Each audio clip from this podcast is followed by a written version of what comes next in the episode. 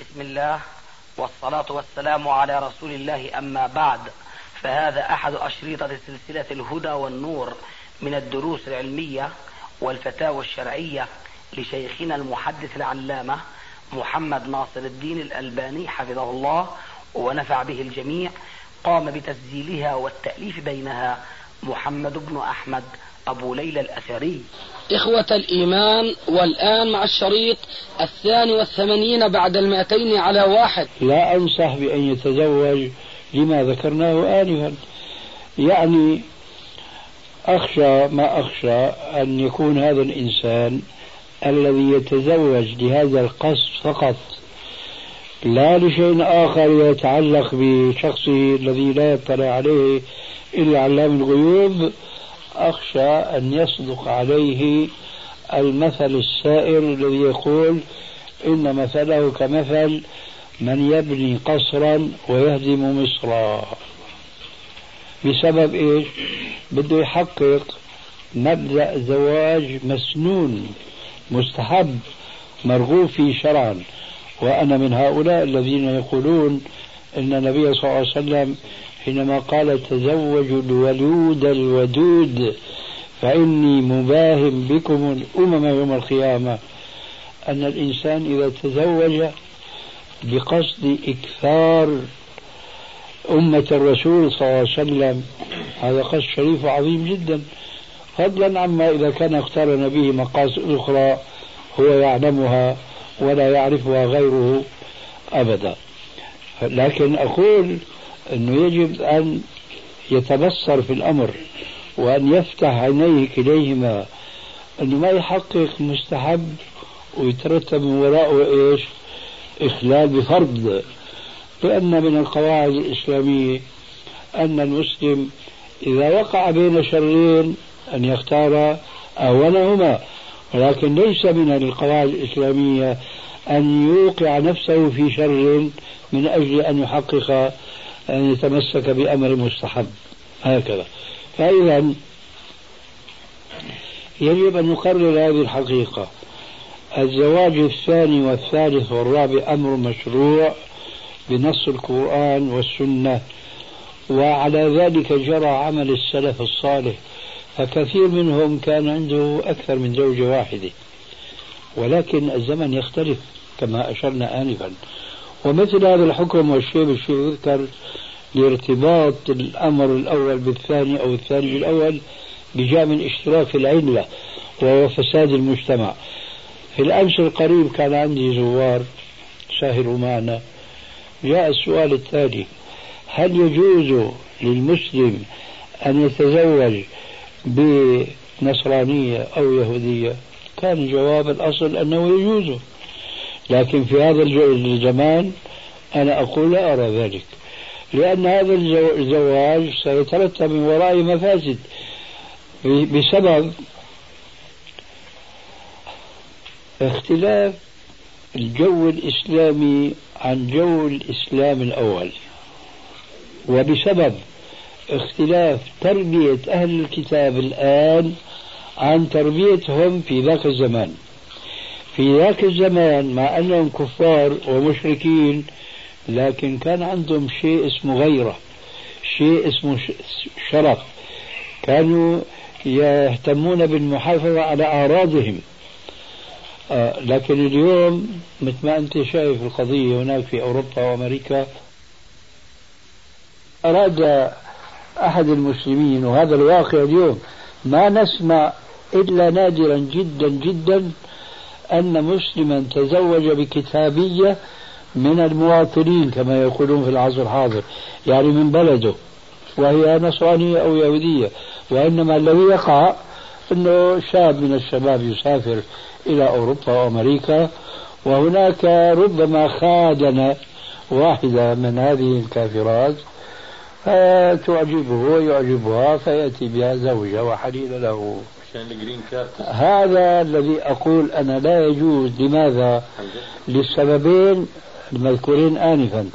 مجتمعنا الإسلامي اليوم غير ذاك المجتمع.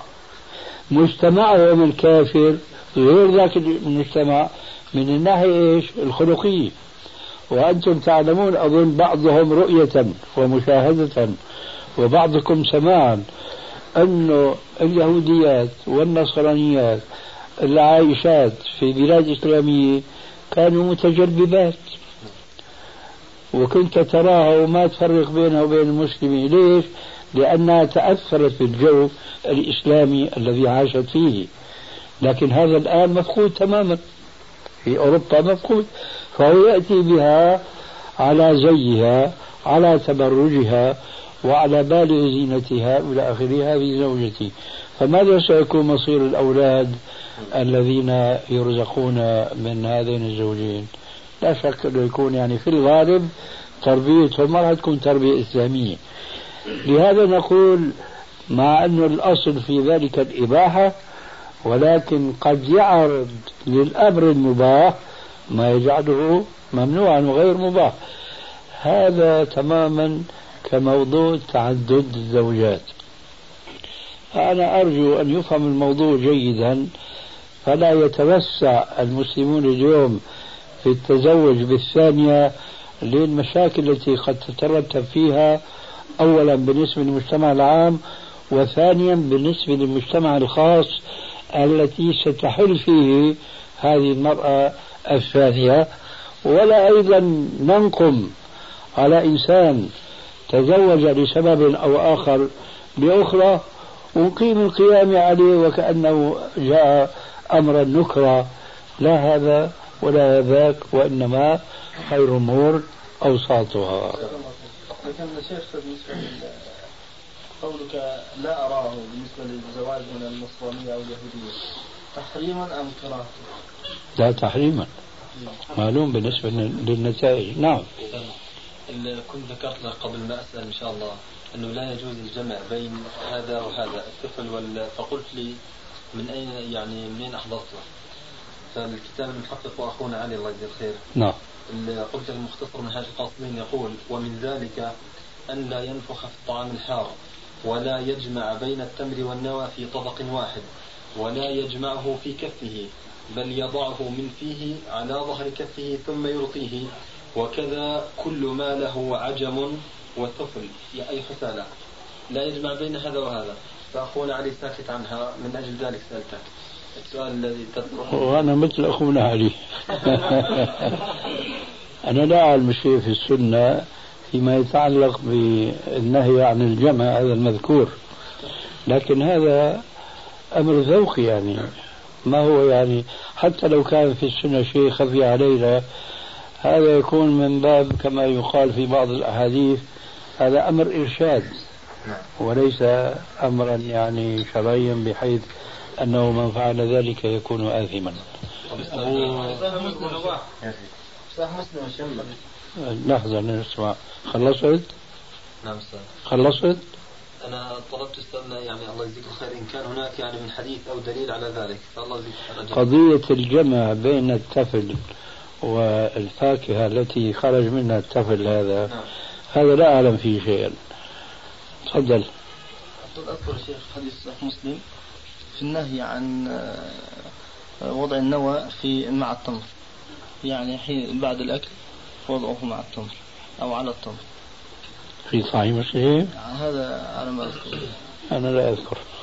شيخنا بالنسبة لل اللي بيتكلم في عندك شيء؟ لا مو آه طيب. نعم. بالنسبة شيخنا لظهر في هذا الزمان من بعض النسوة من يتكلم في آيات الله سبحانه وتعالى ويتهمها بالظلم.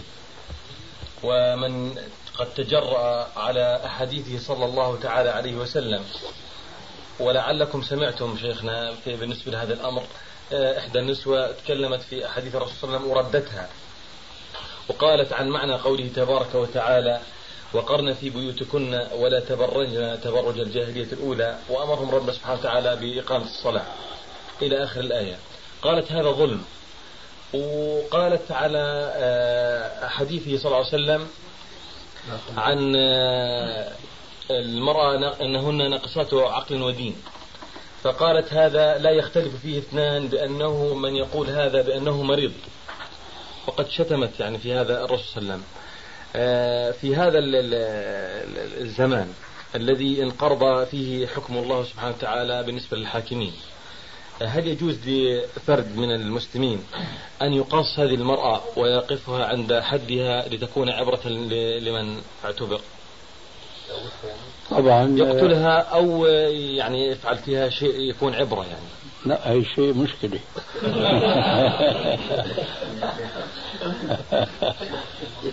خليك على أولي بس. يعني يجعلها عبرة. يعني شوهها مثلا. مفهوم.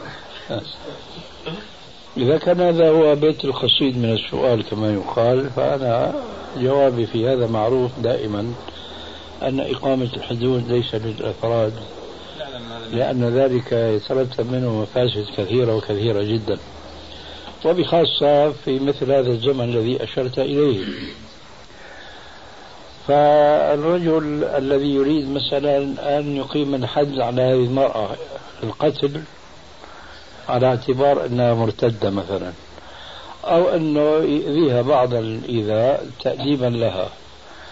هي ما راح تأخذها بمعنى التأديب حتأخذها أولا بمعنى الاعتداء عليها. ثم لابد أن يكون لها أقارب أب أو أخ أو أو, أو, أو إلى آخره. فهم يقومون بدورهم بالاعتداء على المعتدي عليها. وهكذا يتسلسل الاعتداء من مرحلة إلى أخرى ويكثر الفساد في الأرض. وليس هذا هو المقصود من شرعية الحدود.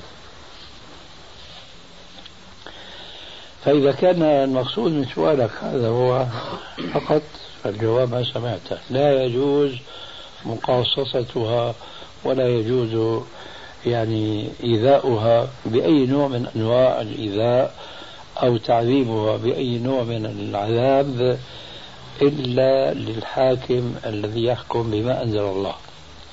وطبعا أنت قيدت ما دام ما في من يحكم بما أنزل الله فإذا يحكم بذلك فرد من الأفراد هذا في الواقع من أخطاء بعض من يفكر من التكتلات الإسلامية أن يتولى بعض الأفراد يعني إقامة الحدود. هذا لا يجوز إطلاقا إلا في مجتمع تهيأت فيه أسباب إقامة الحدود التي يتحقق فيها قوله تبارك وتعالى ولكم في القصاص حياة يا أولي الألباب.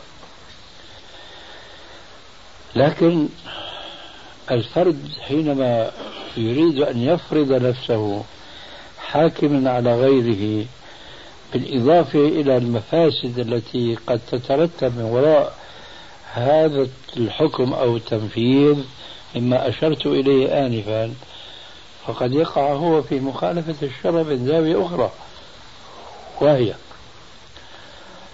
مثل هذه المرأة مثلا أنا بتصور أنا ما قرأت كلماتها ونقل إليها شيء منها لكن أنا أتصور أن مثلها كثير وكثير جدا في المجتمع الإسلامي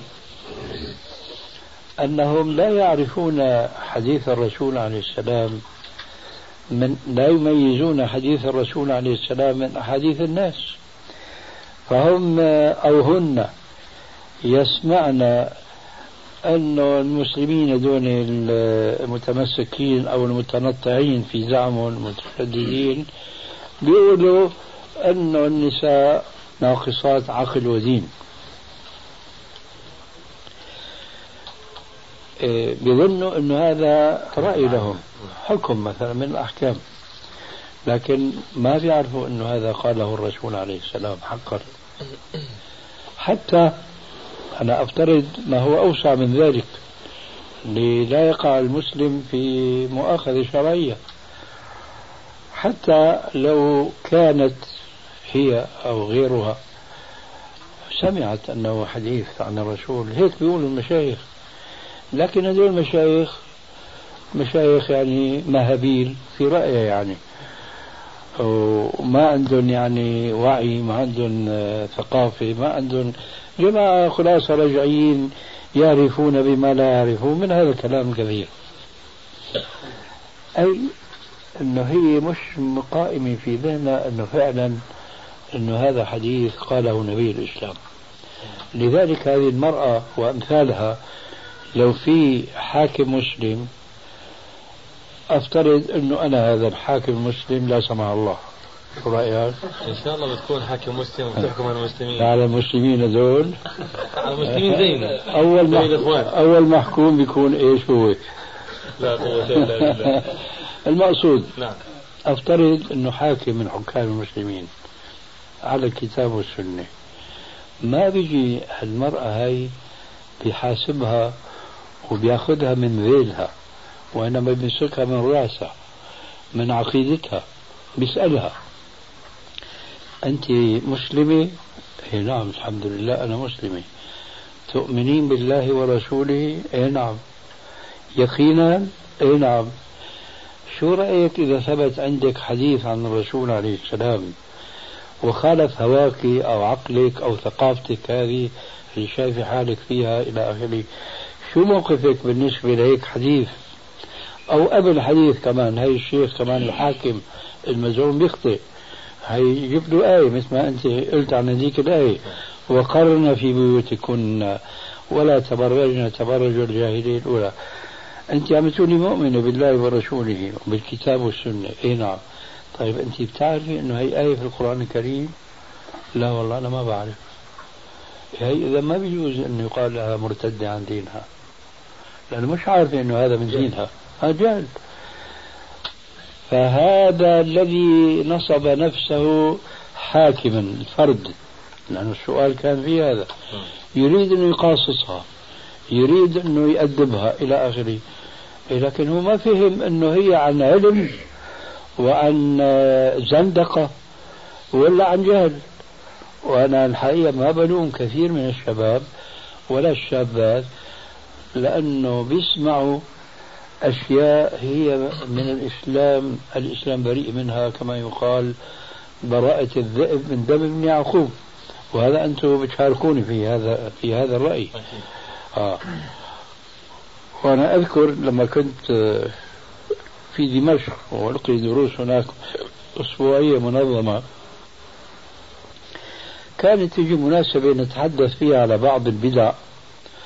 وعلى بعض الصوفيات المقيتة من الآراء والأفكار في هناك صاحب الدار اللي كان الله يجزيه الخير يعني آه، عطل الدار عن أن يتم بناءها يقطعها إلى غرف وجعل هذه الغرف ينفذ بعضها إلى بعض في سبيل أن يكون الجمع يسمع كل ما يقوله الشيخ.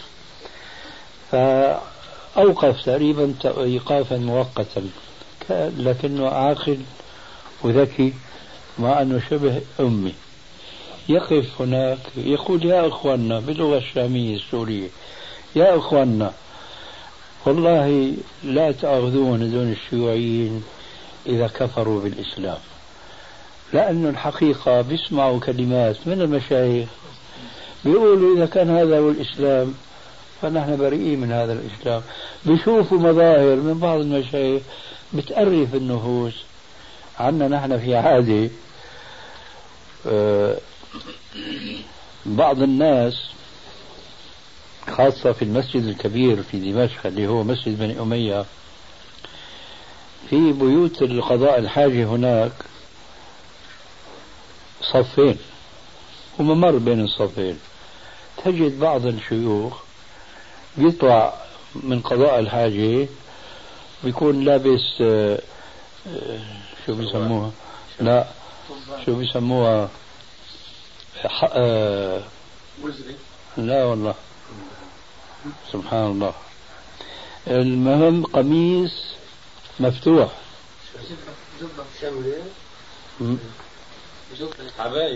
صاي صاي بيسموها صاي. مفتوحة. بتدب واحدة على الثانية. شو بيساوي؟ بيطلع من من المرحاض بيحط إيده وبيغطي وبيمشي وبيدبك برجليه وبهز هذا مشان إيش؟ مشان يصفي. يكون ماسك إيش؟ إيه مهزلة ما بعضها مهزلة هذا هو الإسلام. ما بدي هذا الإسلام. وبيسمعوا كلمات خرافية وسخافة إلى آخره. لذلك يقول لا تأخذوا هؤلاء الناس الشيوعيين. لما بيقولوا أن الدين أفيون الشعوب. لا تأخذوا الشيوعيين. هذا مين صاحبنا الأمي بيقول لا تأخذوا الشيوعيين لما بيقولوا أن الدين أفيون الشعوب. نعم. لأنه الحقيقة الأشياء اللي بيسمعوها هذه ليست من الإسلام وحق أن يقولوا هؤلاء أنه الدين أفيون الشعوب لأنه مش فاهمين الإسلام الصحيح فالآن شو نفترض في هذه المرأة؟ عم نشوف دكاترة دكاترة ومتخصصين في الشريعة ما فاهمين الإسلام. هذيك اليوم بيسألني امرأة في الجامعة وهي تدرس في الجامعة أيضا. ناقشها دكتور في موضوع علو الله على العرش. بيقول الدكتور الله هذا خطأ هذا الله في كل مكان. الله يهديه الله في كل مكان. والله هذه العقيدة الكافر ما بيقبلها. وأنا دخلت في تجربة. كنت مرة منطلق من حلب. إلى إدلب ومن إدلب إلى اللاذقية غربا هناك في سوريا. وكان معي أحد أخواننا اسمه عبد الرحمن شلبي. رايحين اللاذقية من إدلب تعرفوا الأوروبيين عندهم طريقة الشحادة للركوب في السيارة مجانا؟ شو بيعملوا؟ بسموها. آه؟ بسموها. إيه ما بعرف. بيوقف هيك في الطريق شحاد بس بطريقة عصرية. إيه، وأنا ماشي بسيارتي وبجانبي صاحبي. طبعا مسرعين بعض الاسراع أو كثير الاسراع ما اذكر أصلا كثير. المهم بعد ما قطعنا شوطا انتبهنا إنه في شخص رافع إيش إبهامه. وقفنا هيك طلعنا بالمرآة فعلا. شو رأيك يا عبد الرحمن؟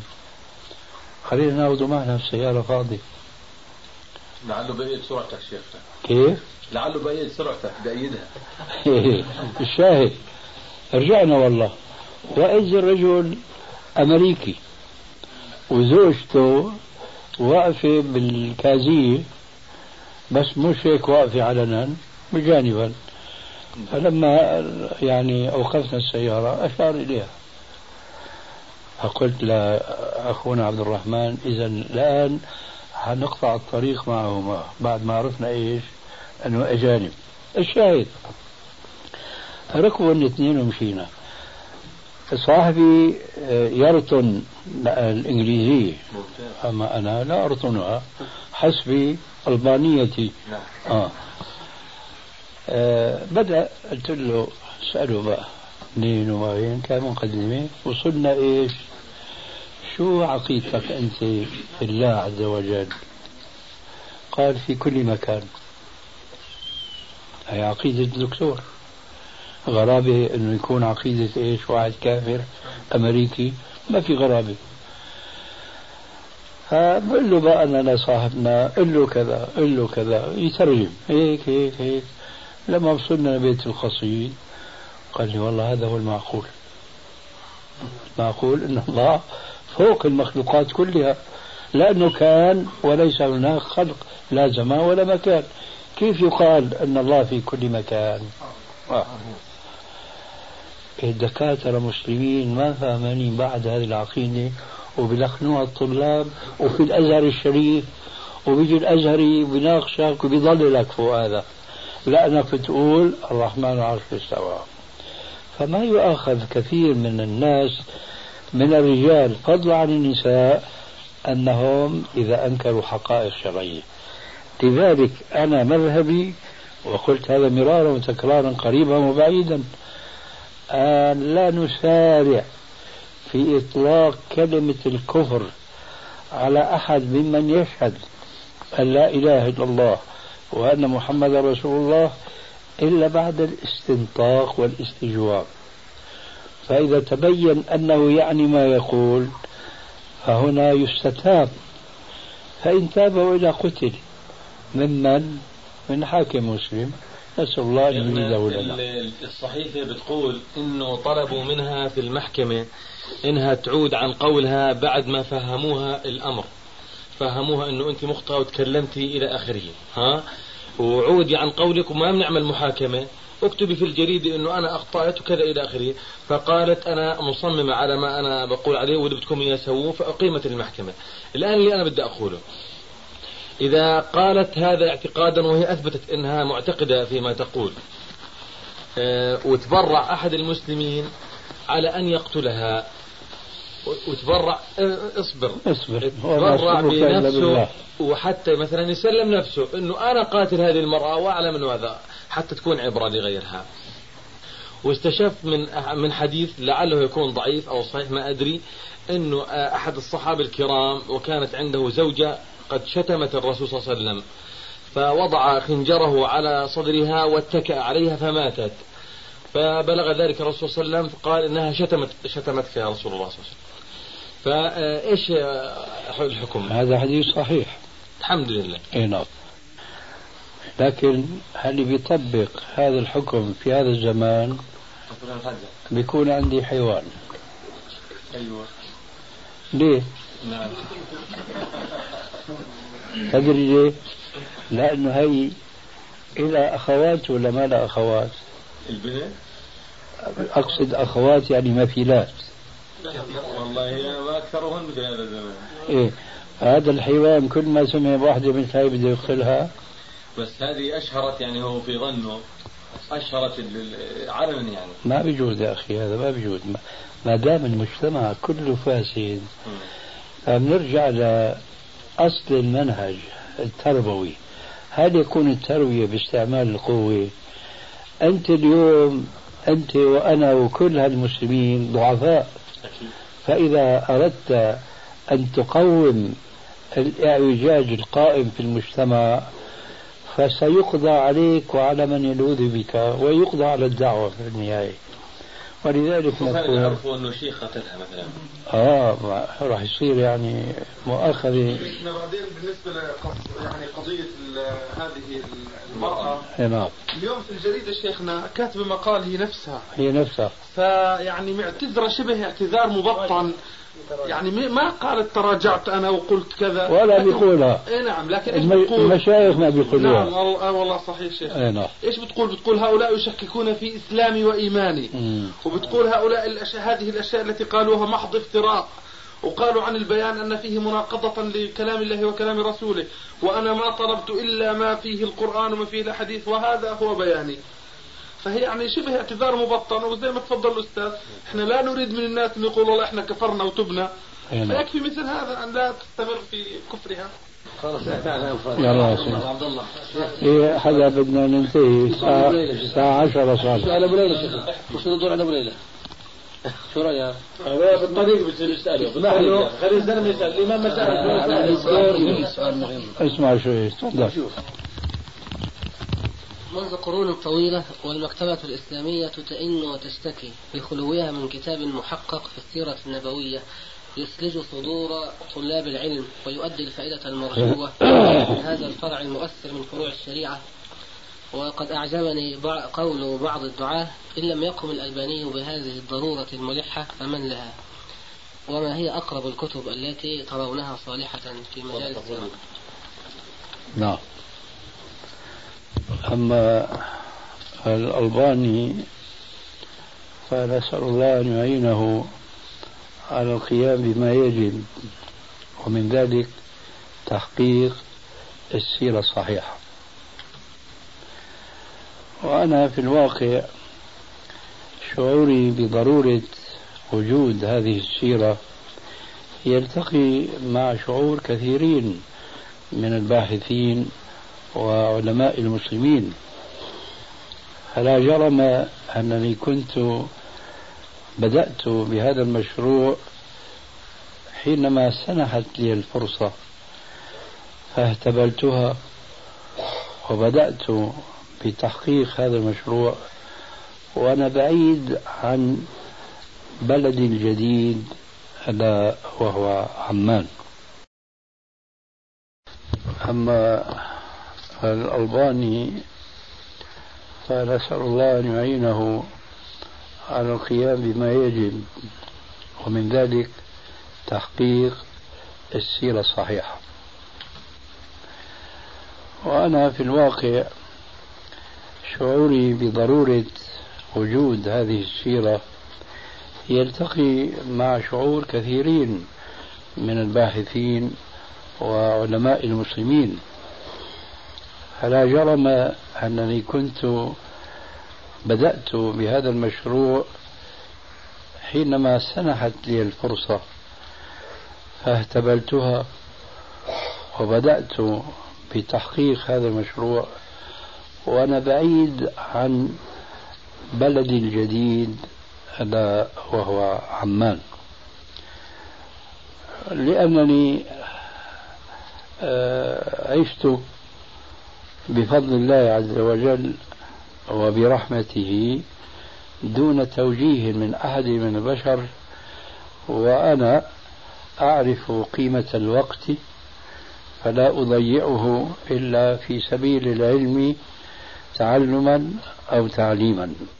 ولا أستطيع بهذه الفطرة التي آه، قويتها مع الزمن المديد الطويل أن أعيش دون عمل علمي. فإذا ضاقت عليه الأرض بما رحبت فنفيت من بلدي أو سجنت في سجن ما في بلدي. وهذا وقع أكثر من مرة فأنا أهتبلها فرصة لأعمل في حدود هذا المكان الذي أعيش فيه وكان من ذلك أنني شرعت في تأليف كتاب تحت عنوان صحيح السيرة النبوية.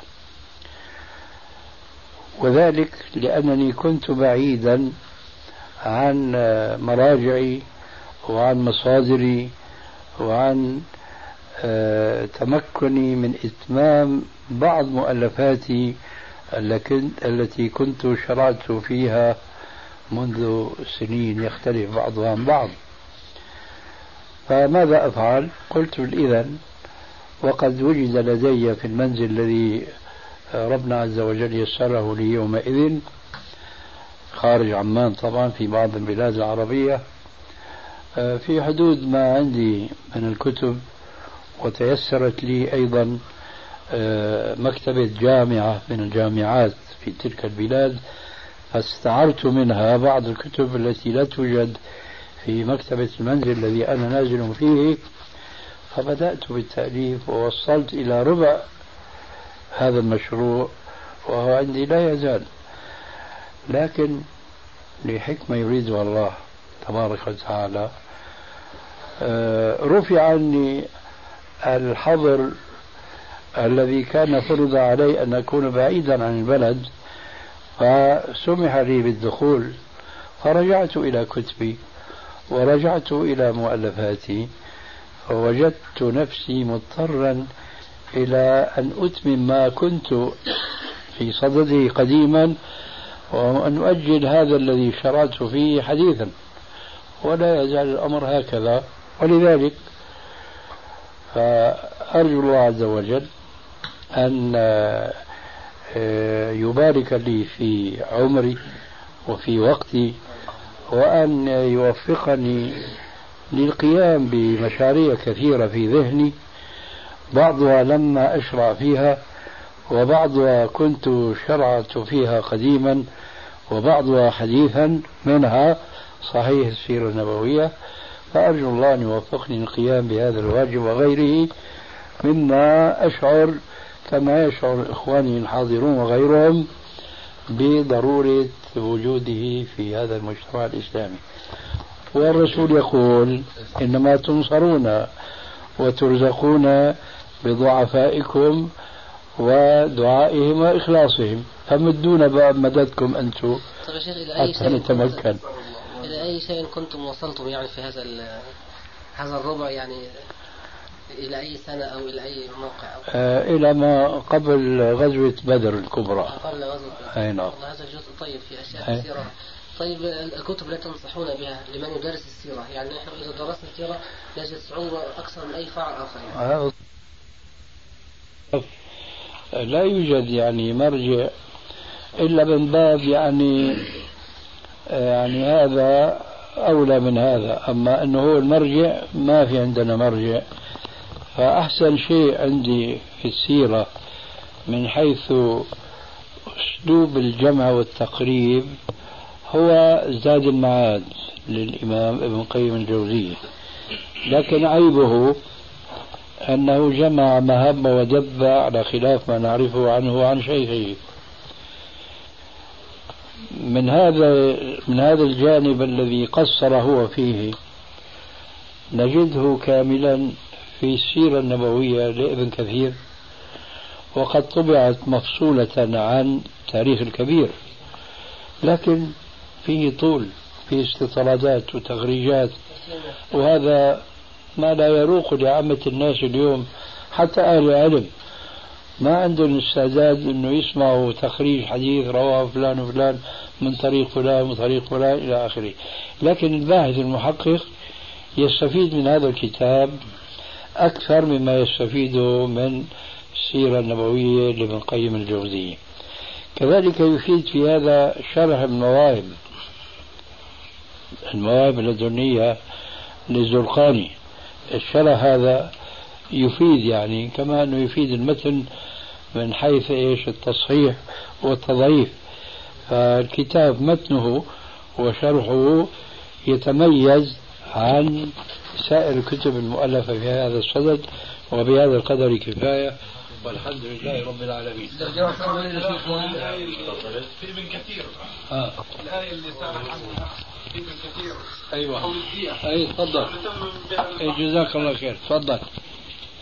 يقول عند قوله سبحانه وتعالى ومن قتل مؤمنا خطأ فتحرير رقبة مؤمنة ودية مسلمة إلى أهله هذان واجبان في قتل الخطأ. آه. أحدهما الكفارة لما ارتكبه من الذنب العظيم ثم يذكر كلاما طويلا ويقول وقوله ودية مسلمة إلى أهله هو الواجب الثاني فيما بين القاتل وأهل القتيل عوضا لهم عما فاتهم من قتيلهم. طيب. ثم يقول عند قوله تعالى فمن لم يجد فصيام شهرين متتابعين أي لا إفطار بينهما بل يسرد صومهما إلى آخرهما. وقوله توبة من الله وكان الله عليما حكيما أي هذه توبة القاتل خطأ إذا لم يجد العتق. أيوة. أن يصوم إيه نعم. لا بدنا نشوف ال- بالنسبة للي في عهد فإن لم يجد. آه. لا في لا هو جاب أيوة. الآية. فإن كان بينكم وبينه فإن كان من قوم بينكم وبينهم ميثاق فدية مسلمة إلى أهله بس ما في لا.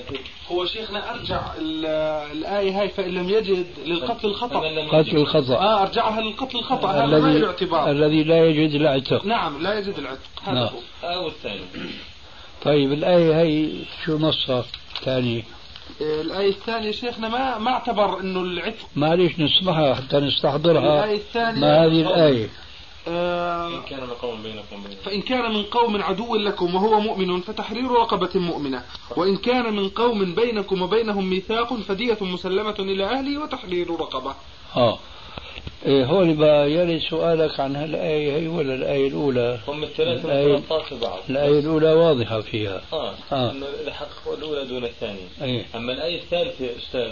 فمن لم يجد فصيام شهرين متتابعين هل الآية ال- ال- عفوا قال الآية الثالثة. ال- ال- القسم الثالث من الآية دية المسلمة إلى أهلي وتحرير رقبة فدية المسلمة إلى أهلي وتحرير رقبة إيه نعم هو إيش آه. بيقول هنا؟ أحدهما أو كلاهما. يقول آه، فإن كان من قوم عدو لكم وهو مؤمن فتحرير رقبة مؤمنة. أي إذا كان القتيل مؤمنا. ولكن أولياؤه من الكفار أهل حرب فلا دية لهم وعلى القاتل تحرير رقبة مؤمنة لا غير. وقوله وإن كان من قومكم من قوم بينكم وبينهم ميثاق الآية أي فإن كان القتيل أولياؤه أهل ذمة أو هد أو هدنة فلهم دية قتيلهم. فإن كان مؤمنا فدية كاملة وكذا إن كان كافرا أيضا عند طائفة العلماء وقيل يجب في الكافر نصف دية المسلم إلى آخره. ويجب أيضا على القاتل تحرير رقبة مؤمنة. أيوة. ويجب أيضا على القاتل تحرير رقبة إيه، طيب الثاني طيب هلا هون أظن هذا سؤالك. إن لم يجد تحرير رقبة بالنسبة له متعرض فيها؟ لا ما تعرض. هاي المشكلة. نعم. مش الموضوع هذا. سألتني مرأة يعني أمان إن شاء الله. في سؤالين الله يكرمك السؤال الأول تقول المرأة بأنه عندها خمس بنات وأهل الزوج الزوج يريد طلاقها ويريد الزواج عليها إلى آخر أمور كثيرة من أجل أنه أنجبت خمس بنات وما أنجبت ذكور. فقالوا لها في مستشفى الأمل يستطيع فصل الحيوانات الذكرية عن الأنثوية وإعطائها للمرأة عن طريق دكتورة تعطيها إياها. فما شو بتعطي؟ تعطيها الحيوانات الذكرية. ما بيجوز طبعا. مين تعطيها اياها؟ ما بيجوز استاذنا من مين؟ هذا نوع من الزنا. من مين؟ أستاذنا من نفس الرجل من نفس الرجل زوجها بأخذوه نفس الرجل. آه كويس. ليش ما زوجها؟ نعم. آه معلش بياخذوه من مني الرجل. نعم من مني الرجل. الزوج يعني. الزوج. إيه لكن هل يأخذونه بطريق لا يتعرض فيه لكشف العورة؟ إن كان كذلك جاز وإلا فلا. طب استنى إلا الضرورة يعني تطلق وكذا. ما في ضرورة هذه ليست ضرورة طب استنى السؤال الأخير نعم. آه، أستاذنا. حتى. نعم. أخوين متأخيان في الله. آه، رجل يريد أن يتزوج مرأة ولكن لضيق المال يعني طالت المدة. طبعا البنت لا تعلم وهي حافظة لكتاب الله وهم ملتزمين إن شاء الله. لا تعلم بماذا؟ هي لا تعلم أنه هذا الشخص يريد الزواج منها. طيب. أهلها يعلموا والشخص أخوه في الله يعلم وأهله يعلموا فتقدم لها أخوه في الله. ما آه نعم أخو مع العلم بأنه هذا أخوه في الله يريد هو. فهل يكون هذا خطب على خطوة أخيه خاصة وأنه يعلم أنه أخوه يريدها لنفسه. ولكن لضيق المال ولضيق الحال يعني مؤجل على الكتفين يا أخي وبس. نعم. نعم. أستاذنا هل يكون خطب على خطبة أخيه؟ لا. لا. ما دام ما خطب. ما خطب. إيه؟ ولكن يعلم أخوه في الله. ما بيكفي هذا. بس أخوه مقصر. ليش ما بيخطب؟ له عذره. لكن هذا لا يمنع الرجل أن يخطب منه. أن يخطب هو من عنده. ما دام هو لم يتقدم بالخطبة. والسلام عليكم. عليكم السلام. إخوة الإيمان والآن مع جلسة ثانية.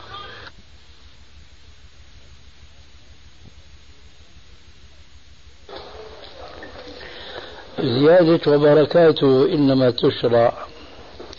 ردا لسلام الذي ألقى سلامه كاملا إلى نهايته. أي من ألقى عليك السلام بقوله السلام عليكم ورحمة الله وبركاته فأنت بقى مشان ترد عليه بأحسن منها بدك تزيد وبركاته ومغفرته. فلو هو ما جاب وبركاته بتجيبها أنت. الآن وضح وضح كويس. وما أبقي شيء يعني بحاجة لسؤال حول النقطة هذه. لأنه صاحبنا هنا متهيأ. لو واحد قال السلام عليكم شيخنا هل يقول ورحمة الله وبركاته؟ أي وبركاته. مختصرا. هنا. لا لا. وإلى وبركاته ما في مانع. قصدي يعني الترتيب يعني يقول لا لا, لا مو يعني شرط. يعني واحد قال السلام عليكم لك أن تقول. وعليكم السلام. وعليكم السلام ورحمة الله. وعليكم السلام ورحمة الله وبركاته. أما مغفرة لا تزاد إلا إذا أي نعم. وعليكم السلام ورحمة الله وبركاته.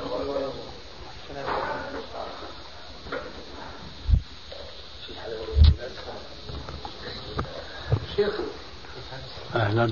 كيفك؟ طيب. التعوذ بالله من أربع في صلاة السنن. هل هو واجب كما هو في الفريضة؟ هذا يفتح علينا أسئلة كثيرة وكثيرة جدا. هل من السنة أن يقرأ مثلا بعد الفاتحة سورة أو آيات كما نفعل في الفرض؟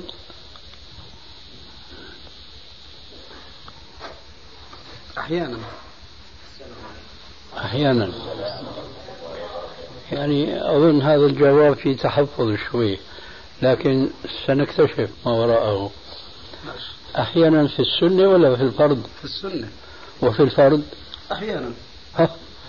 أخطأت في الجواب الأول. ليش قلت في السنة لما قلت لك في الفرض ولا في السنة؟ قلت في السنة. هذا كما يقول مشايخنا الحنفية مفاهيم المشايخ معتبرة. أما مفاهيم الكتاب والسنة فغير معتبرة. أنت الآن بتقول في السنة مفهومه أنه ما في بالفرض. فإذا في الفرض والسنة أكذلك؟ نعم. طيب شو الدليل في السنة؟ ترى بنبهك من هلا لما كنا عند أبو ليلى بقدر أنا بجاوبك هيك رأسا مثل ما بده غيرك. أما أنت مشان تتفقه وتتعلم كيف. آه. فشو الدليل أنه يقال في السنة كما يقال في الفرض؟ بالنسبة للقراءة؟ أيوة. ما ثبت عنه صلى الله عليه وسلم في صلاة القيام في الليل. كان يقرأ بعد الفاتحة بالطوال وغير الطوال. بالطوال لكن بالسور قصيرة مثلا. هل ثبتت في الفريضة. أو أو من غير السؤال إذا وقفت شوي هون. هل يقرأ في الركعتين الأخيرتين من السنة؟ نعم. ليه؟ لثبوت ذلك عن رسول الله صلى الله عليه وسلم. وين؟ في صلاة السنن. ها؟ أيضا أحيانا أقول. معليش وين؟ في صفة صلاة النبي. قرأت. لا يعني أنت عم تحيلني على المصدر أنا مسألك الآن وين ثبت في السنة. حنطور السؤال نفسه الأخير هل تعلم أنه في السنة يعني التي هي تقابل الفريضة السنة الرباعية. هل تعلم دليلا في شرعية القراءة في الركعة الثالثة والرابعة؟ دليل عام عندما سئل عندما وصفت صلاته صلاة قيام الليل فقالت عائشة كان يصلي أربعا فلا تسأل عن حسنهن وطولهن. هذا قيام الليل. نحن بنحكي عن السنن الرواتب. الآن لا أستطيع. وكمان بقول لك شو رأيك؟ هل تقاس الفريضة على النافلة أو النافلة على الفريضة؟ إذا صح شيء في الفريضة يمكن نقله إلى السنة أم لا؟ هذا يعني مفهوم سؤالي اللي هو تعوذ بالله من أربع بالسنة بدي أنت تجاوب عليه. ما جاوبتني أنت. أنا بس لا أدري. ها هذا الجواب. طيب. لا تدري. لا أدري. والمعروف عند العلماء جميعا أنه ما ثبت في أي صلاة حتى لو ثبت شيء في السنة فيلحق بها الفريضة والعكس من باب أولى إلا إذا جاء دليل يستثني أو يخرج صلاة من أخرى فحينئذ يعطى لها الحكم الخاص. فأنا كان سؤالي الأول الأول أنه ثبت في, الرسول في كلام الرسول عليه السلام أنه كان يستعيذ من أربع وأيضا نضيف إلى هذا شيئا آخر لكن قبله حتى ننتهي من هذا فما دام كان يفعل ذلك في الفرض فليس عندنا ما يمنعنا أن نفعل ذلك في السنة لأنه ما شرع في هذه يشرع في هذه إلا إيه؟ لدليل خاص. مثلا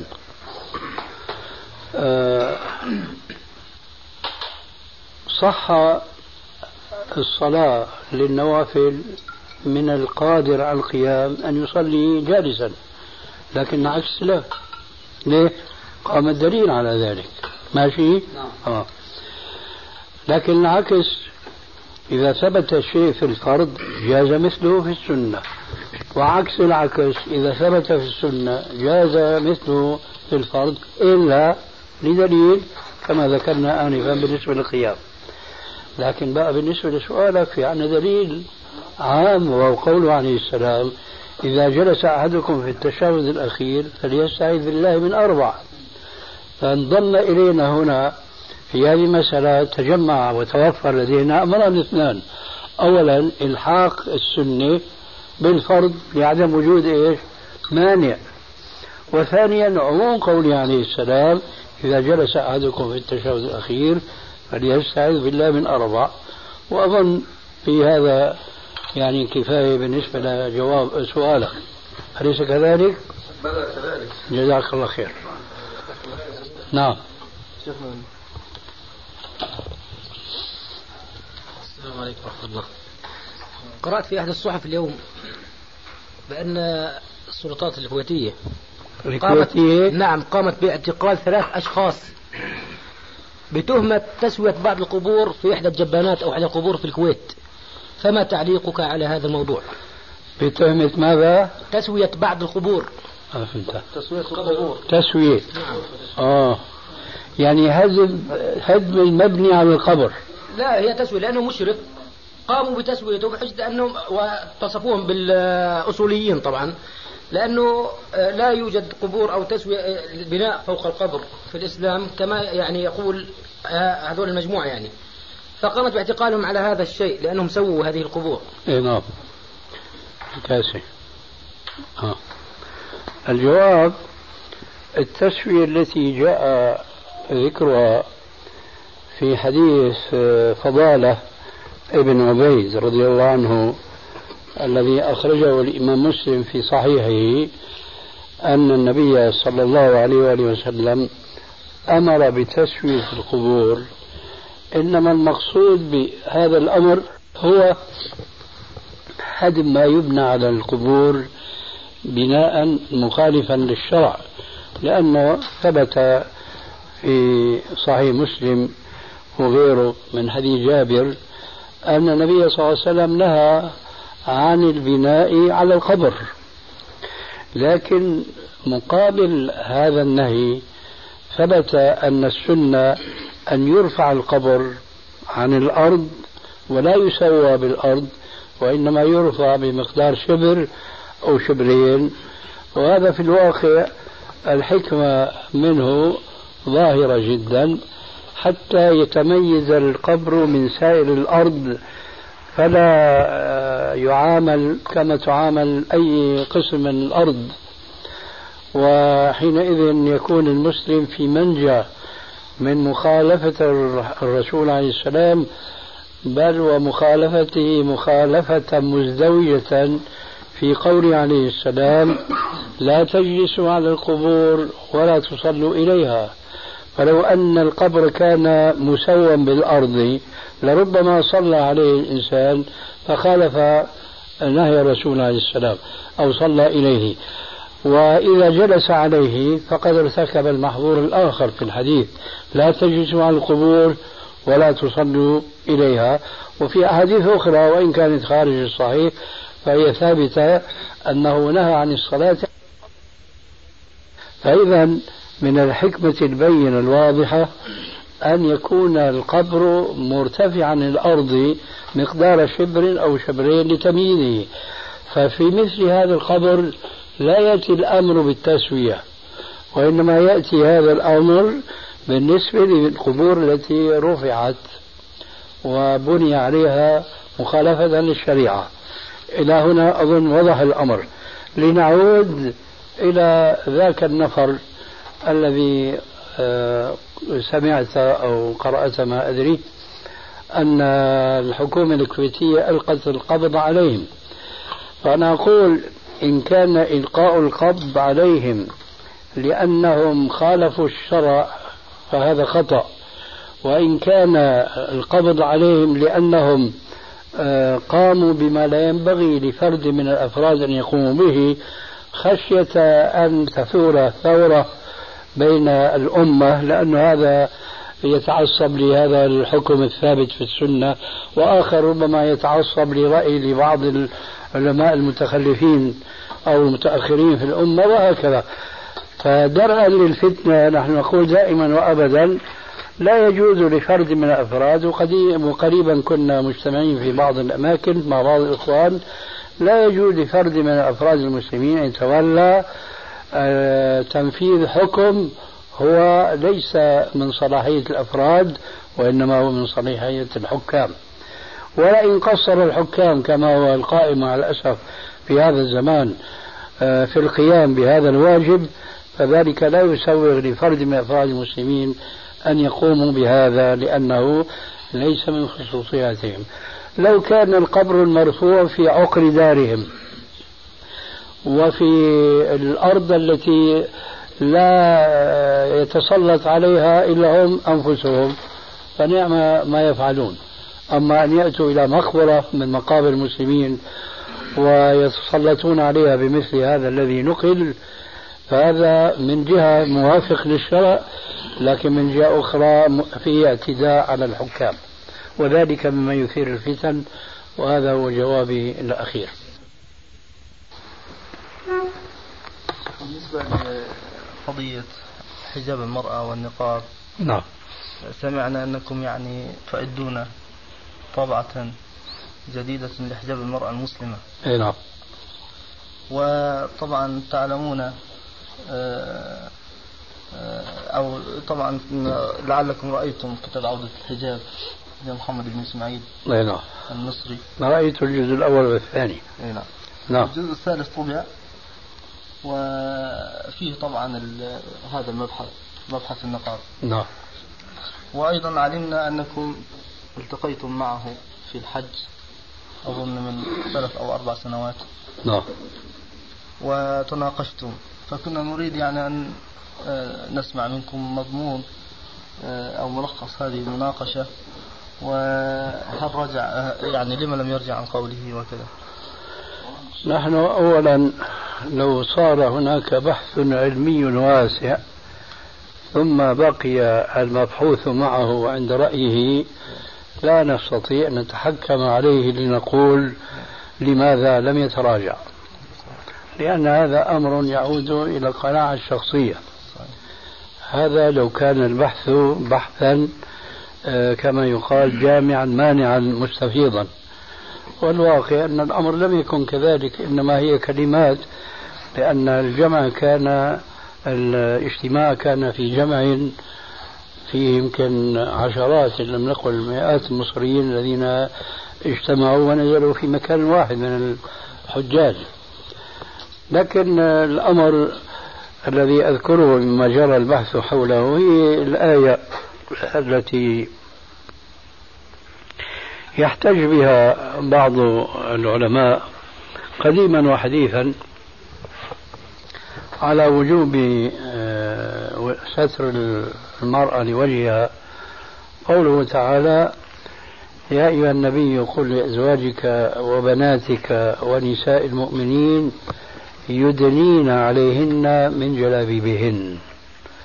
فنحن قلنا يومئذ ولا نزال نقول ونسجل ما نقول بأن قوله تعالى يدنين لا يعني بوجه من الوجوه آه، المأخوذة من اللغة العربية أو اللغة الشرعية أن المقصود من قوله يدنين أي يغطين لأن الإدناء هو التقريب وبخاصة أن علماء التفسير مجمعون أو كأنهم مجمعون على أن هذه الآية نزلت لتصحيح عادة كانت النساء عليها في الجاهلية وهي أنهن كن يلقين الجلباب على رؤوسهن ويدعنه وشأنه بحيث أنه يظهر شيء من شعورهن وحليهن وأقراطهن ونحو ذلك. على نحو ما يفعل كثير من النساء العربيات كالعراقيات وأخريات من النساء اللاتي لا يزلن يستعملن ما يسمى بالعباءة. فهم يلقونها على رؤوسهن ثم يدعونها هكذا. على سجيتها وعلى طبيعتها فيظهر شيء مما يحرم إظهاره شرعا من النحر ومن الصدر ومن الشعر ونحو ذلك. فقال تعالى يدنين عليهن من جلابيبهن. فالإدناء هو التقريب. فلو أن ربنا عز وجل أراد ما يفهمه هؤلاء العلماء من الإدناء وهو التغذية لقال بلسان عربي مبين يغطين وجوههن وتنتهي المشكلة لكنه لم يرد. سبحانه وتعالى التغطية الكلية للوجه. ولذلك قال يذنين عليهن من جلابيبهن. أي امرأة قد ألقت الجلباب على رأسها فإذا أخذت بيدها أو بكفيها جانبي العباءة وردتها هكذا ردا نحو رأسها فيقال إنها أدنت وكلما أدنت